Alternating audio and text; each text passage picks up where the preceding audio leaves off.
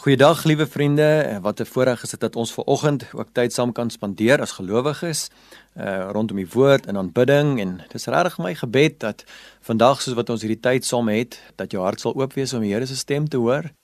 En die Here begeer om te praat met sy kinders en uh, uit die natuur van God se Vaderhart wil hy by ons wees en is hy die koning wat lewe in ons. So kom ons sing 'n lied saam ver oggend en sing sommer uit volle bors uit waar jy jouself ook al bevind.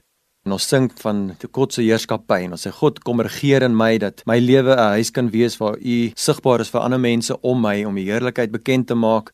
Kom ons sing saam regeer in my. Skepper van hemel en aarde.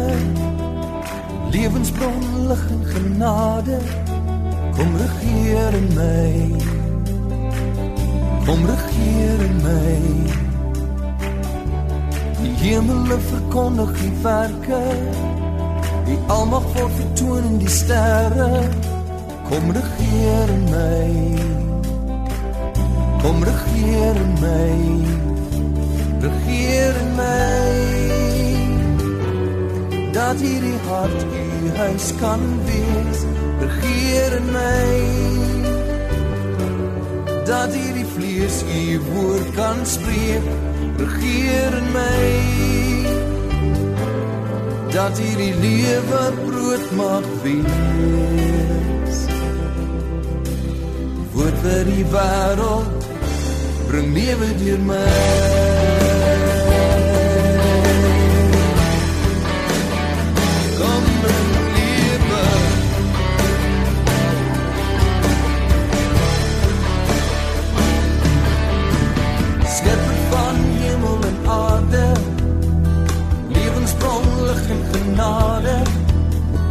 Regeer in my. Kom regeer in my.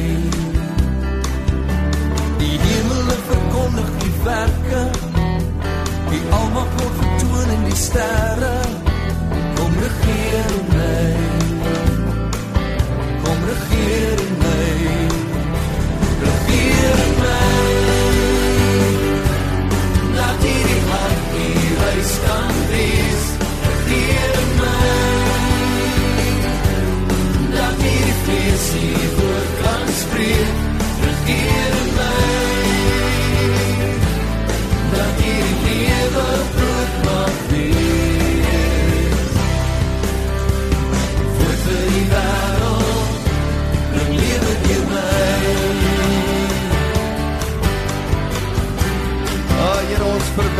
Uitspraak oor ons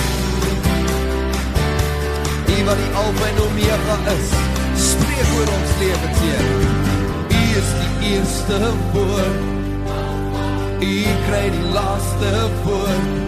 U is die lewenswoord wat alles onderhou. U is die eerste woord.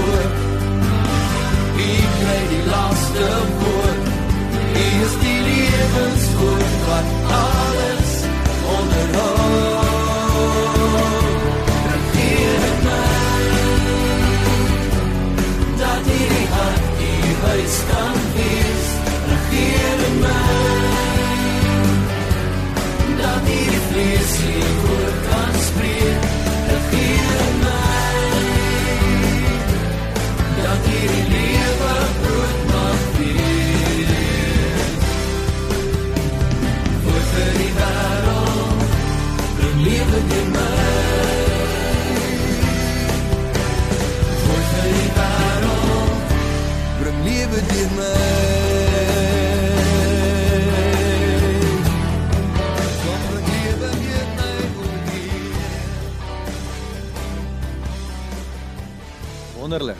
Here, ons kom vandag en ons dankie dat U binne in ons lewe en uh, mag ons vanoggend die woord hoor soos U met ons deel wat op U hart is en ek wil bid Heilige Gees dat U sal kom en iets oopbreek wat nuut is.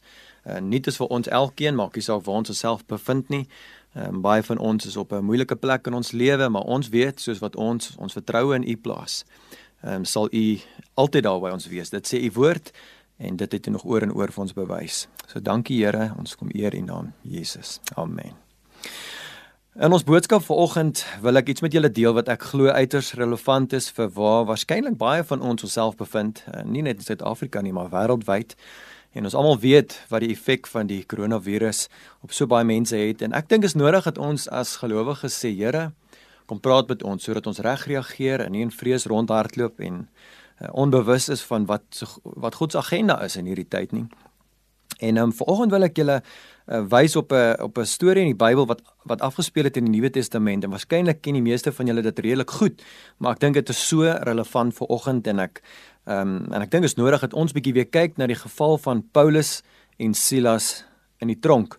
Nou ek weet ehm um, dit is nie, nie almal se is 'n realiteit om in 'n tronk te wees nie, maar ek dink ons het almal bietjie in grendeltyd gevoel asof ons bietjie toegesluit is iewers. Ek weet nie van julle nie, maar daar was maar baie meer tye wat ek by die huis gespandeer het as wat ek sou wou. Uh, maar dit is belangrik dat ons bietjie leer vir oggend weer oor wat Paulus en Silas belewe het. Um, ons reaksie op moeilike tye wissel geweldig. Ek weet nie van jou nie, maar hoe ek reageer wanneer 'n krisis my tref, uh, verskil nogal van die ou langs my en ek dink jy het waarskynlik al gehoor dat jy of veg of vlug of vries.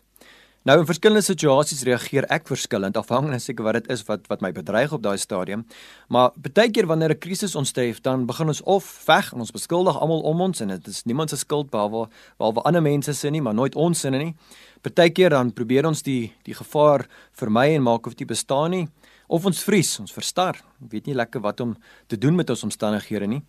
Ek kan so goed onthou 'n hele paar jaar terug het ek hierdie video gesien op YouTube van 'n Kersvader persoon wat hom aangetrek het soos Kersvader en hy sit op die stoep met 'n mandjie vol lekkers en um, hy maak homself op asof hy 'n pop is en dan soos wat die kinders dan nou die lekkers uit sy hand uitvat, dan maak hulle skrik. En op hierdie een spesifieke video kom met die tienerseun op en hy bekruip toe nou versigtig en hy sien dit is 'n pop en met sy sy aanname dat dit wel nie 'n lewendige mens is nie, vat hy een van die lekkers en die Kersvader gryp hom om die arm. En voordat hierdie tienerseun kan dink, trek daai regter vegter van hom terug en pot daai Kersvader op die neus. Ehm um, en dit was sy reaksie na daai krisis. Hy het so geskrik dat hy begin veg het. Nou as 'n mens kyk na hoe ons reageer in hierdie koronavirus tydperk, ons reaksies is verskillend. Party mense probeer wegkruip. Ek weet nie of jy ook gevoel het jy wil eerder nêrens met hierdie virus in aanraking kom nie. Sommige van ons het so 'n bietjie oordrewe reaksies en ons voel ons moet beklei met almal wat verkeerde besluite maak en wat nie saamstem met wat ons wil doen nie. En van ons voel af ons moet net wag dat dit oorgaan. Ons vrees so 'n bietjie. Maar ons moet probeer verstaan wat aangaan want wat ons nie weet nie, dit maak ons bang. Ek dink onsekerheid maak almal van ons twyfelagtig. As as jy by die dokter is en hy kan nie vir jou sê wat dit is wat jou pyn veroorsaak nie, dan dan is ons geïrriteerd. Ons wil weet presies wat dit is wat aangaan. Die oomblik dat ons die antwoord het, dan kan ons bedaar en in hierdie tyd weet ons nie almal regtig wat om te doen met ons omstandighede nie. Ek weet nie of jy ooit in 'n situasie was waar iemand vir jou gesê het, byvoorbeeld jy moet jou oë toemaak en jou mond oop en dat hulle vir jou ietsie wil laat proe nie. Nou, as jy nie weet wat dit is nie, dan is dit baie moeilik om daai persoon te vertrou en jy's maar baie uh, versigtig voordat jy iemand dit sal toelaat, maar as jy nou jou oë met jou skreefie oopmaak en jy sien 'n heerlike stuk holies gebakte kaaskoek, weet dan is die situasie nou anders. Maar wat ons beleef is nie kaaskoek nie. Ons beleef 'n interessante tyd waar baie mense in krisis is en ek dink uit Paulus en Silas se lewe kan ons ietsie leer van hoe hulle gereageer het in in tye van groot teenkant eh, teenkanting en in tye van groot krisis waar hulle eintlik gedoen het presies wat God wou gehad het. En ten spyte van wat hulle beleef het, het die kerk gegroei deur hulle werk en was hulle so passievol vir wat God gedoen het. Hulle het alles reg gedoen. En hierso uit gehoorsaamheid aan wat God vir Paulus en Silas gesê het, word hulle toe nou in hierdie spesifieke geval gevang, onregverdig in die tronk gegooi, geslaan, mishandel en hier bevind hulle self nou in 'n as ware grendeltyd wat hulle vasgebind is binne in die binnekant van die tronk uh, onder haglike toestande en hulle is as ware onskuldig. Nou as ek in 'n situasie is, moet ek vir eerlik sê ek weet nie wat ek sou gedoen het nie, maar voordat ons daar kom, kom ons kyk in Handelinge 16 vers 22 tot 34 presies wat hier gebeur het. In vers 22 lees ek: Die skare het toe ook teen hulle saamgestaan, die stadsowerhede het hulle klere van hulle laat afskeer en beveel dat hulle met stokke geslaan word. Hulle het baie houe gekry en toe is hulle in die tronk gegooi. Die tronkbewaarder het opdrag gekry om seker te maak dat hulle nie ontsnap nie. In reaksie op hierdie bevel het die tronkbewaarder hulle in die binneste stel sel gegooi en hulle voete in houtblokke vasgeklem.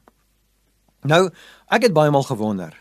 En dink saam met my vir 'n oomblik, as jy in daai situasie is en jy was Paulus of Silas, watse reaksie sou 'n goeie reaksie gewees het?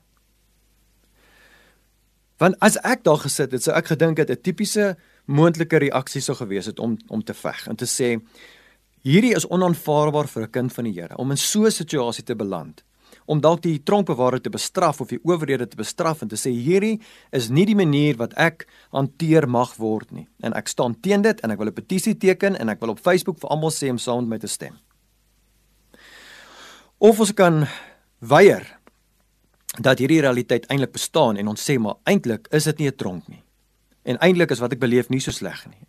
Maar dit maak ook nie sin nie, maar mens kan verstaan dat mense dit wil wegwens. Of mens kan God bevraagteken en sê hoekom is die lewe so onregverdig? En ek dink almal van die sou in my boekies aanvaarbare reaksies gewees het want hulle is nie daar uit iets wat hulle verkeerd gedoen het nie en partykeer vind ek en jy ook onsself op 'n plek wat ons voel maar waar ek myself nou bevind op hierdie situasie is nie iets wat ek gekies het nie. Dis nie iets wat ek verkeerd gedoen het nie. Maar tog moet ek kies hoe ek in hierdie krisis reageer. Nou, kom ons kyk wat doen Paulus en Silas. Hoe reageer hulle? Wat het hulle gekies om te doen in hierdie tyd wat hulle vasgevang is? En ek lees vir julle van vers 25 uit Handelinge 16. Teen middernag was Paulus en Silas besig om te bid en tot lof van God te sing. Die ander gevangenes het na hulle geluister. So hier lei hulle aanbidding. Hulle begin 'n lofoffer worship diens in die middel van die nag in die tronk. Vers 26: Skielik kom daar 'n groot aardbewing sodat die fondamente van die tronk geskit het. Al die tronkdeure het oopgevlieg en al die gevangenes se kettinge het losgekom. Die tronkbewaarder het wakker geword en die tronkdeure waarwyd oop sien staan. Hy het aanvaar die gevangenes het ontsnap en sy swaard uitgetrek om homself dood te maak. Maar Paulus het met 'n harde stem geskree: Moenie jouself iets aandoen nie. Ons is nog almal hier. Die bewaarder het toe hulle gevra en die sel ingestorm. En hy het begin bewe en voor Paulus en Silas neergeval. Hy het hulle toe buitentoe gevat en gevra: "Meneere, wat moet ek doen om verlos te word?" Wat 'n groot vraag. Hy het hom geantwoord: "Glo in die Here en jy sal verlos word, jy en al die lede van jou huishouding." Hulle het die woord van die Here aan hom en sy hele gesin verkondig. Al was dit reeds baie laat in die nag, het Paulus en Silas se wonde versorg en hy is toe daar en dan gedoop en ook al die mense in sy gesin. Toe bring hy hulle in sy huis in en sit vir hulle ete voor. Hy en sy hele huishouding was baie bly omdat hulle nou in God geglo het. Ek het 'n paar vrae oor wat hier gebeur het. Wat het gemaak dat Paulus en Silas in hierdie omstandighede in plaas van kerm en kla of veg of vlug of vries kon reageer op hierdie manier. Wat gebeur in iemand se hart om ten spyte van hierdie situasie so positief te kan reageer? Wat het hulle geweet van God? Het hulle geweet dat gaan 'n aardbewing kom? Het hulle gesing asof hulle enige oomblik gesien het so ietsie drasties gaan gebeur of was hulle dalk ook verbaas? Net soos die tronkbewaarder net soos die ander eh, mense wat in die tronk toegesluit was. Ek dink niemand het hierdie sien kom nie Nog 'n vraag wat ek het is hoekom het God geantwoord met 'n aardbewing? Hy kon hulle stilletjies uitgelei het of net die volgende dag vrygelaat het en hulle miskien hulle hulle wonde vinniger laat genees het, maar maar nee, God het ietsie merkwaardig gedoen nadat Paulus en Silas op 'n totaal ander manier gereageer het as wat ek dink ek sou. Nou hier is wat ek hieruit leer. Ek het vroeër genoem wat wat ons nie weet nie maak ons bang. En ek dink iets het Paulus en Silas geweet wat gemaak het dat hulle geen vrees op daai stadium hoef te gehad het nie. Wanneer ek en jy op 'n plek kom in hierdie tyd wanneer ons nie weet of die virus ons gaan beïnvloed op 'n manier nie. Ons weet nie noodwendig of ons werk ons gaan kan betaal aan die einde van die maand of tot die einde van die jaar nie. Ons weet nie wat die land se ekonomie gaan doen nie. Gaan hy dalk in duie stort? Gaan ons moet drastiese planne maak vir inkomste? Wat gaan ons moet doen? Daar is so baie, soos Paulus en Silas wat ons dalk voel ons nie weet nie. Maar Paulus en Silas het iets geweet. Hulle het iets geweet wat hulle in staat gestel het om in plaas van in 'n veg of 'n vlug of 'n vries status in te gaan, het hulle totaal anders gereageer as wat ek dink ek ooit sou in daai situasie. En dis wat ek glo hulle gesien het. Hulle was so oortuig van hierdie groter realiteit van God se heerskappy en sy ewigheidsagenda dat hulle op daardie stadium dit beleef het en dat die omstandighede om hulle was niks seggend teenoor daardie realiteit nie. Die vermoë om verby te sien na wat jou oë nou raak sien en te sien hoe God in sy liefde absolute krag oor elke situasie het. Ons het nou nog gesing, Here, kom regeer in my, kom regeer oor my. En hulle het iets van dit so kragtig beleef dat geen krisis hulle laat bang word het nie. Geen situasie wat hulle moes verduur was vir hulle 'n groter realiteit as God binne in hulle nie. Dis 'n groot stelling om te maak. Hoe gereeld wens ek ek kan in my krisisse soos Paulus en Silas reageer. In plaas van om te wil beklei of weg te hardloop en almal te blameer, om net spontaan te begin lofsange sing. Maak nie saak hoe goed of hoe sleg my stem is nie. Om wanneer ek 'n krisis beleef om te sê, Here, dankie vir die geleentheid om te sing en of jy nou 'n aardbewing bring of nie, of ek nou gaan langer in hierdie tronk sit of nie, of hierdie plek van gevangenis, om so bewus te wees dat wat ek nou beleef nie my einde is nie omdat God se realiteit groter is. Dis my begeerte om so te lewe van daai realiteit. Elke oomblik waar kom. Ek het so 'n mooi storie van baie jare wat saam met my kom waar 'n baie goeie vriend van my uh, jare gelede as student iets van hierdie vir my kom wys het en as studente was ons in 'n in 'n kunstegroep en ons het musiek gemaak reg deur die land en een spesifieke dag het ons in die middestad van Pretoria 'n uh, foto tydperk gehad om klomp fotos vir produksie af te neem en al die karre was geparkeer daar in die in die straat langs hierdie park. En toe ons terugkom, toe vind ons dat dan al die karre ingebreek is. Vensters is uitgeslaan, handsakke is gesteel, rugsakke is gesteel, baie geld is vermis. En ek kan onthou wat se pandemonium het uitgebreek. Die mense het gehuil en geskree en onder die boom gaan sit en stof opgetel en sê hoekom Here, hoekom, hoekom gebeur hierdie met ons? Maar ou Lou was die enigste ou wat rustig daar gestaan het en ek stap na hom toe ek sê Lou, hoekom lyk jy so rustig, broer? Het hulle niks van jou gesteel nie? Hy sê o nee, alles is weg. Al my geld is weg. En ek sê vir my, hoe kry jy dit dan reg om so rustig te bly? Want dit was etlike honderde rande, dit was baie geld daai tyd. En Lou sê, weet jy wat? Al is hierdie nou vir my 'n krisis. God se voorsiening, God se liefde, God se nabyheid verander mos nou nie in hierdie oomblik nie. Dis mos juis hoe hoekom ek hom ken om vas te hou aan hom in hierdie tye. En ek kon dit amper nie glo nie. Ek het gedink, hoe kry jy dit reg om so te reageer?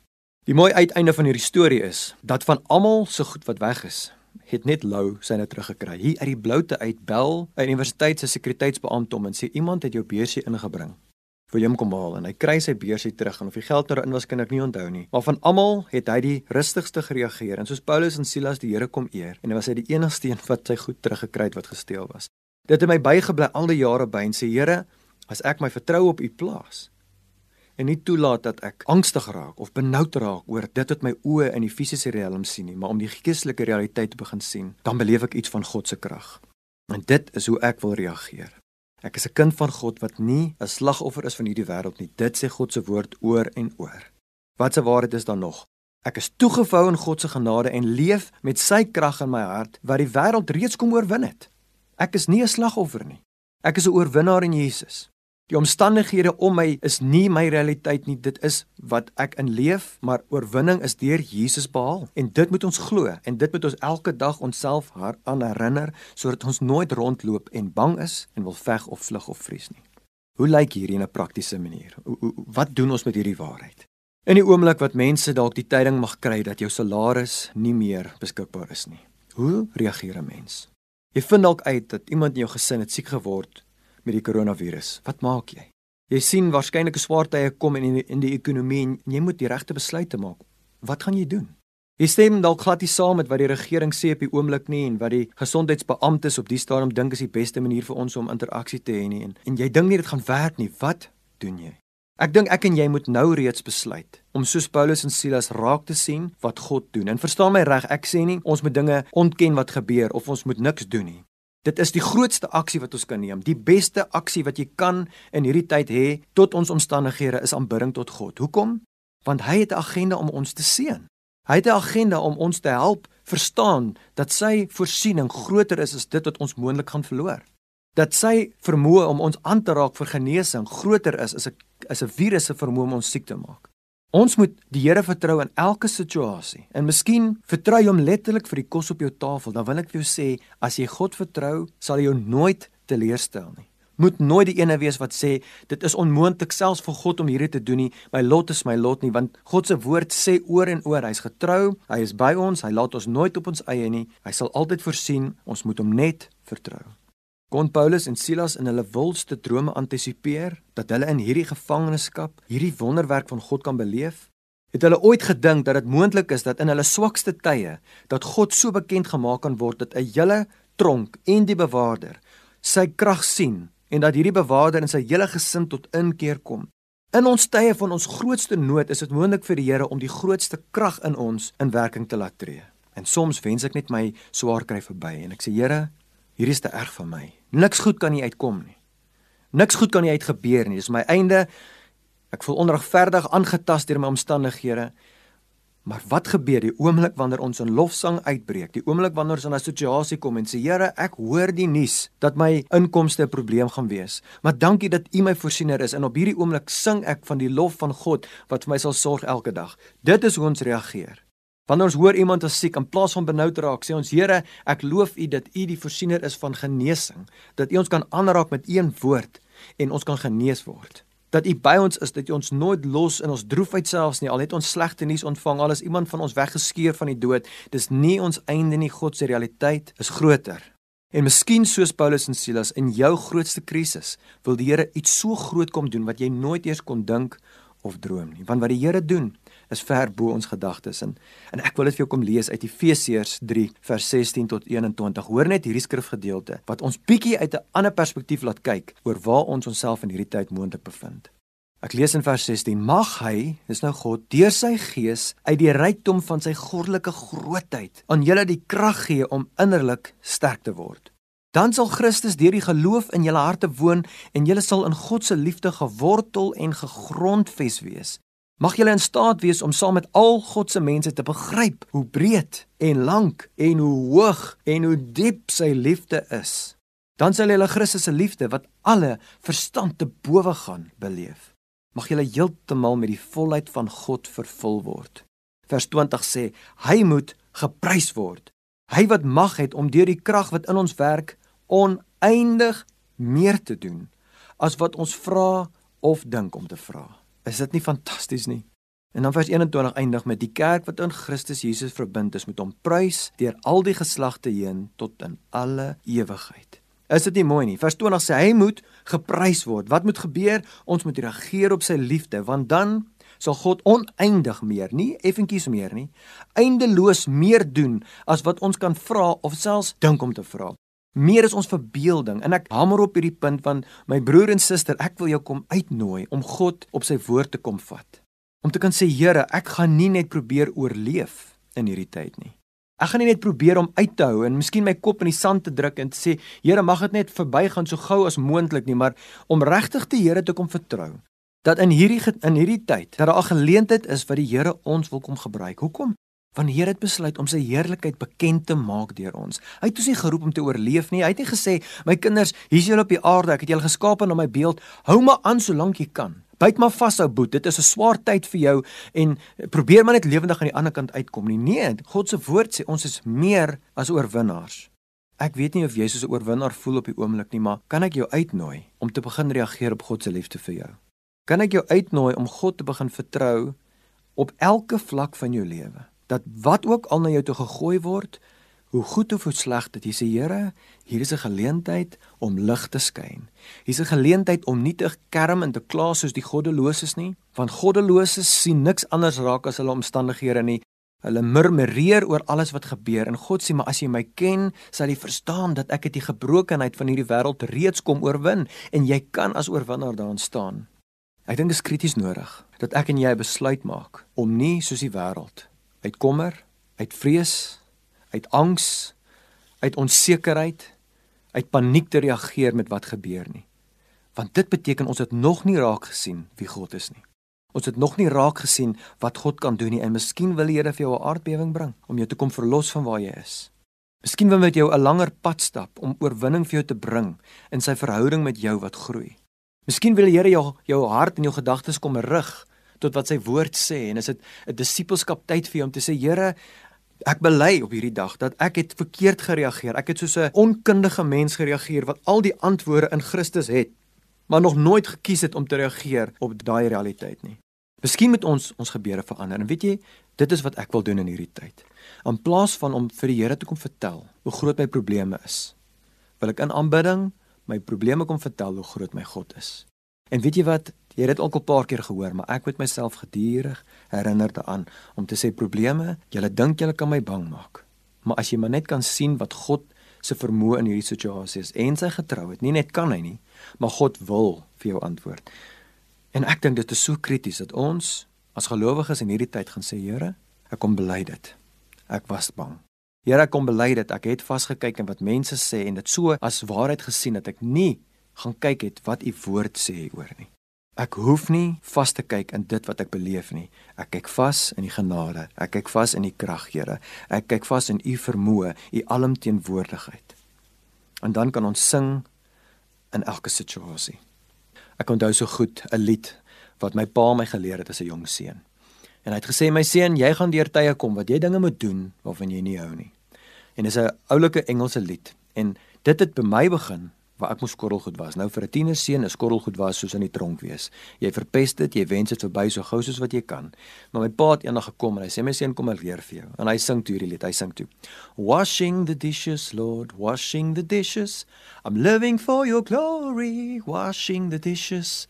En so gaan die liedjie aan vir so 'n paar reels en ek tog Here, hoe kan ek vir u heerlikheid lewe as ek so aaklige werk moet doen? Maar iets van dit het die Here vir my kom leer deur my pa se opmerking wat gesê het my seun, maak saak wat jy doen nie losing my job lord. Finding a hard time in my life gaan deur 'n krisis Here ek leef vir u heerlikheid. Here ek kry slegte nuus maar ek weet u is groter. En ek dink as jy nie doen nie moet jy genoeg liedere in jou hart hê wat jy in die oggend mee kan wakker word dat jy nog voordat jy die dag ingaan kan sê my reaksie sal wees soos Paulus en Silas.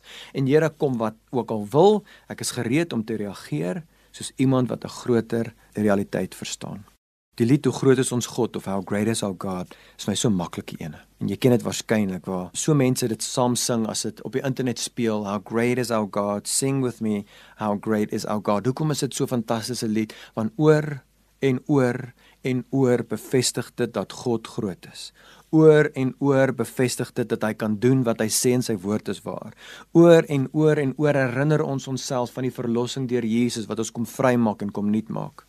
En ek dink dis krities belangrik vir ons vandag om te sê Here, mag hierdie realiteit so groot wees vir my dat in elke situasie en in die volgende maande en dit mag dalk etlike maande meer wees as wat ek kan antisipeer. En maak nie saak wat op die nuus gesê word nie. En maak nie maak nie saak wat ek sien op hierdie WhatsApp nie. En maak nie saak wat Facebook vir my sê nie. Ek sal nie toelaat dat die duiwel kom leuns vertel om te sê dat ons is aangewese op ons eie nie. Ek sal nie toelaat dat die wêreld vir my kom sê dat dit net ek is en dat as ek dit self maak nie, dan gaan ek dit nêrens maak nie maar my gees binne in my waar die Heilige Gees woon toe te laat om my te kom herinner in 'n situasie en as dit jou tref dat jou eerste reaksie sal wees dankie Jesus 'n geleentheid vir u om deur my iets te kom doen. Dankie Here, 'n geleentheid vir my om die lig te skyn sodat die donker verdryf word. Dankie Here, 'n geleentheid vir my my getuienis te gee van u getrouheid sodat die mense om my sal kan sien dat ek immuun is teen die vrees van die wêreld, dat ek nie sal veg nie dat ek nie sal weghardloop en vlug nie en dat ek nie sal vries en onaktief bly binne in ons wêreld nie maar aktief die waarheid van Jesus sal kom verkondig. Ek wil graag kom bid vir jou en saam met jou die Here kom vertrou dat sy oorwinning jou oorwinning sal wees. En soos wat ek bid, wil ek vra dat jy jou oë sal toemaak as jy kan op hierdie oomblik en laat toe dat die Heilige Gees jou kom wys waar daar miskien vrees in jou hart is dat die Heilige Gees jou kom wys waarso jy miskien gereageer of dinge in plek probeer sit uit jou eie krag uit en het jy nie toegelaat dat die groot realiteit van Jesus se genade jou oorweldig en jou jou groot realiteit is nie. So Heilige Gees, ek kom bid op hierdie oomblik. En ek kom vra dat U en elke persoon wat nou luister in hierdie boodskap, Here dat elkeen nou sal oop wees om te hoor wat U sê. Here, en ek kom bely vir my eie lewe en mag almal van ons dit saam doen kom bely dat daar kere was wat ek nou aan kan dink wat ek miskien negatief gepraat het, miskien oor ons regering.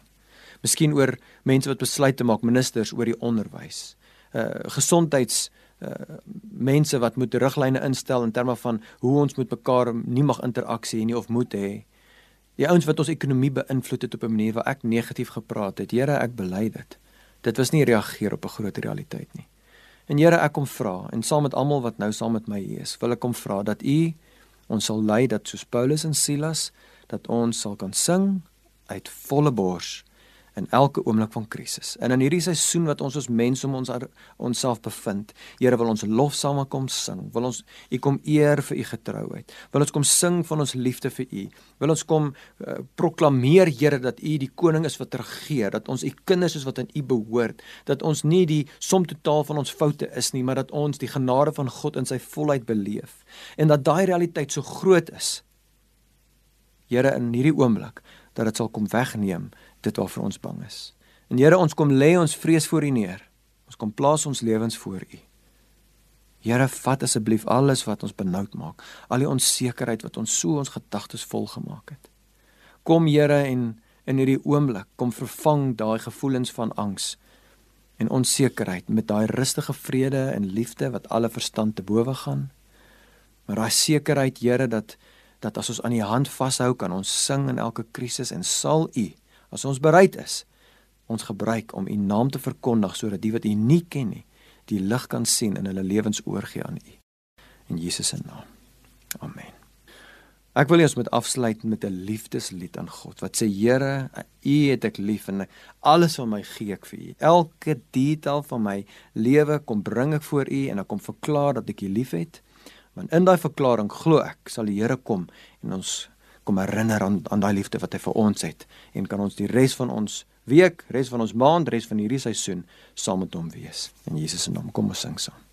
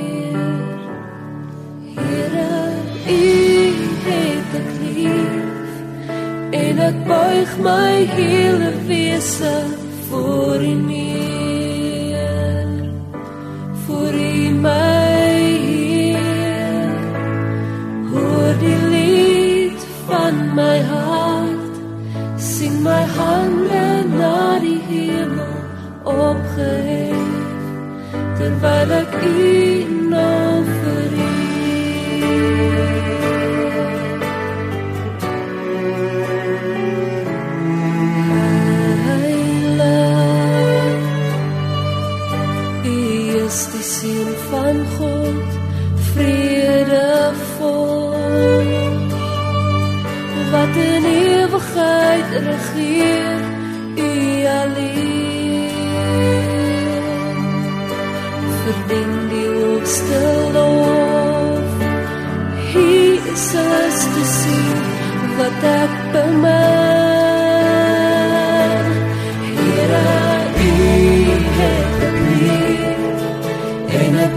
my hele wese voor U neer.